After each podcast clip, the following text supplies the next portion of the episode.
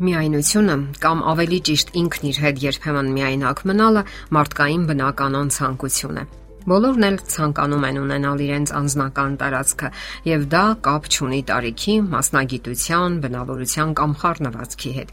Շատերը խոցելի բնավորություն ունենալով չեն կարողանում ստեղծել սեփական անձնական տարածքը եւ դա հիմք է դառնում լարված ու անհանգիստ կյանքի։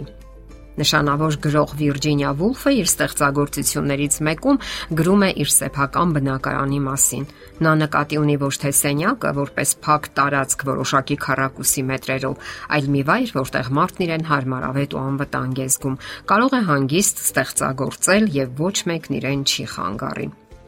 Շատ կարևոր է սեփական անհատականությունը պահպանելը։ Իսկ ինչպես պահպանել, երբ աշխարհն ամեն րոպե ցանկանում է փոխել մեզ, Նա մեզ փորձում է թելադրել վարքագծի կանոններ, գեղեցկության չափանիշներ, արժե համակարգ։ Նա մեզ համար նույնիսկ դերեր է սահմանում եւ ապա զարմանում ու զայրանում, որ չենք համաձայնում այդ դերերի հետ։ Շատերն իհարկե տրվում են ընդունված մտածելակերպին եւ ձգտում համապատասխանել համընդհանուր տարածված չափանիշներին ու կանոններին, ապա կորցնում են սեփական եսը, դադարում լսել իրենց ներքին ձայնը եւ հարմարվում են ուրիշներին։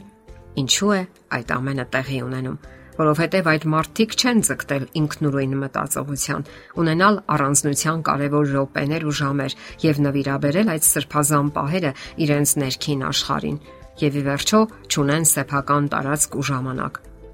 Անձնական տարածքի լավագույն օրինակ է տվել Հիսուսը։ Նա իր հետևորդներին խորհուրդ է տալիս աղոթել առանձնության մեջ Երբ դու աղոթես, մտիր քո սենյակը, փակիր դուռդ եւ ծածուկ աղոթիր քո հորը։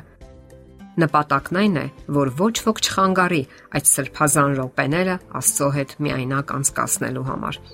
Այո, սա անկարևոր պահ չէ, եւ խոսքը կոնկրետ անձնական վայր ունենալու մասին չէ, այլ անձնական ժամանակի մասին, մտորումների հանգստանալու եւ սեփական անձնական ծրագրերը կյանքի կոչելու համար։ Գաղտնիք չէ, որ որոշ հարաբերություններում ուժեղ կողմը, որը սովորաբար լինում է տղան, խիստ սահմանափակում է մյուսի անձնական ժամանակը։ Ամեն ինչ հաշվարկվում է ժամերի, եթե ոչ րոպեների ճշգրտությամբ։ Մերօրյա դժվարին ու բարդ ժամանակներում իհարկե այնքան էլ հեշտ չէ սեփական տարածք ունենալը, սակայն ժամանակի առումով գոնե հնարավոր է։ Որքան էլ խոր լինեն փոխհարաբերությունները, յուրաքանչյուրն իրավունք ունի տնորինելու իր ժամանակը ըստ իր հայեցողության։ Անկամ ամուսնության ընթացքում յուրաքանչյուրը պետք է ունենա հանգստի իր որոշակի ժամանակահատվածը։ Եթե մարդն ունի իր սեփական սրբազան տարածքը, այն պետք է համապատասխանի իր անznավորությանը։ Այն կարող է լցված լինել նկարներով կամ գրքերով, երաժշտական հոլովակներով, հուշանվերներով, որոնք արտացոլում են նրա էությունը։ Այստեղ կարող են լինել նաև հիշարժան իրեր, որոնք կհիշեցնեն նրան իր կյանքի երջանիկ ու հաճելի կամ տխուր պահերի մասին։ Դա այն վայրն է, որտեղ նա կարող է խորհել, ստեղծագործել, աղոթել ու կիսվել Աստծո հետ։ Ամերիկացի գրող եւ առասպելաբանության հետազոտող Ժոզեֆ Քեմփբելը նույնպես անդրադարձել է սեփական սրբազան տարածքի կարևորությանը։ Նա դա համարում է ստեղծագործական, այսպես կոչված բուծարան, որտեղ պետք է գտնվի մարդը իր կամ այն մարդկանց հետ, ովքեր հաճելի են իրեն։ Այդտեղ ավելի հավանական է, որ մուսան այցելի իրեն եւ մարդը կարողանա ստեղծագործել կամ հետաքրքիր գաղափարներ ունենալ։ Ահա թե ինչ է գրում նա։ Այդտեղ դուք կարող եք չիմանալ, թե ինչ են գրում թերթերը, չհիշել, թե ովքեր են ձեր ընկերները, մոռանալ նույնիսկ ձեր պարտականությունների մասին։ Մի խոսքով դա այն վայրն է, որտեղ դուք լիակատար խաղաղության մեջ եք, եւ դա լիցքաթափում է առօրյա հոգսերից։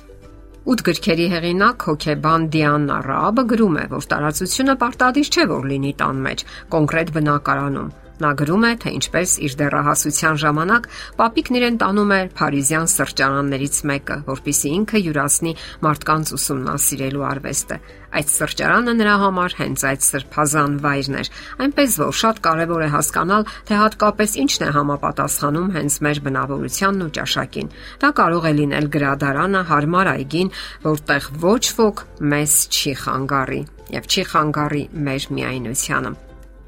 Ինչ անել ինչից սկսել։ Հարկավոր է գտնել մի այնպիսի վայր, որտեղ ոչ ոք երկար ժամանակ չի կարող ձեզ խանգարել։ Պետք է ստեղծեք հաճելի միջավայր։ Ընտրեք ձեր սիրելի երաժշտությունը։ Շրջապատեք ձեզ սիրելի գրքերով։ Պատրաստեք նոթատետրեր եւ գրիչ։ Անջատեք էլեկտրոնային սարքերը։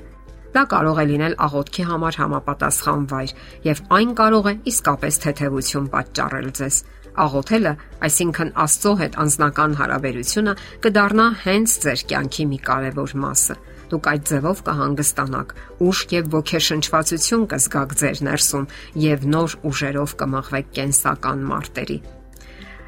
Մի խոսքով եղեք ուժեղ անznավորություն թե ընտանիքին, թե հասարակությանը հենց նման մարդիկ են պետք։ Դա կսահմանի նաև ձեր անձնական երջանկությունը։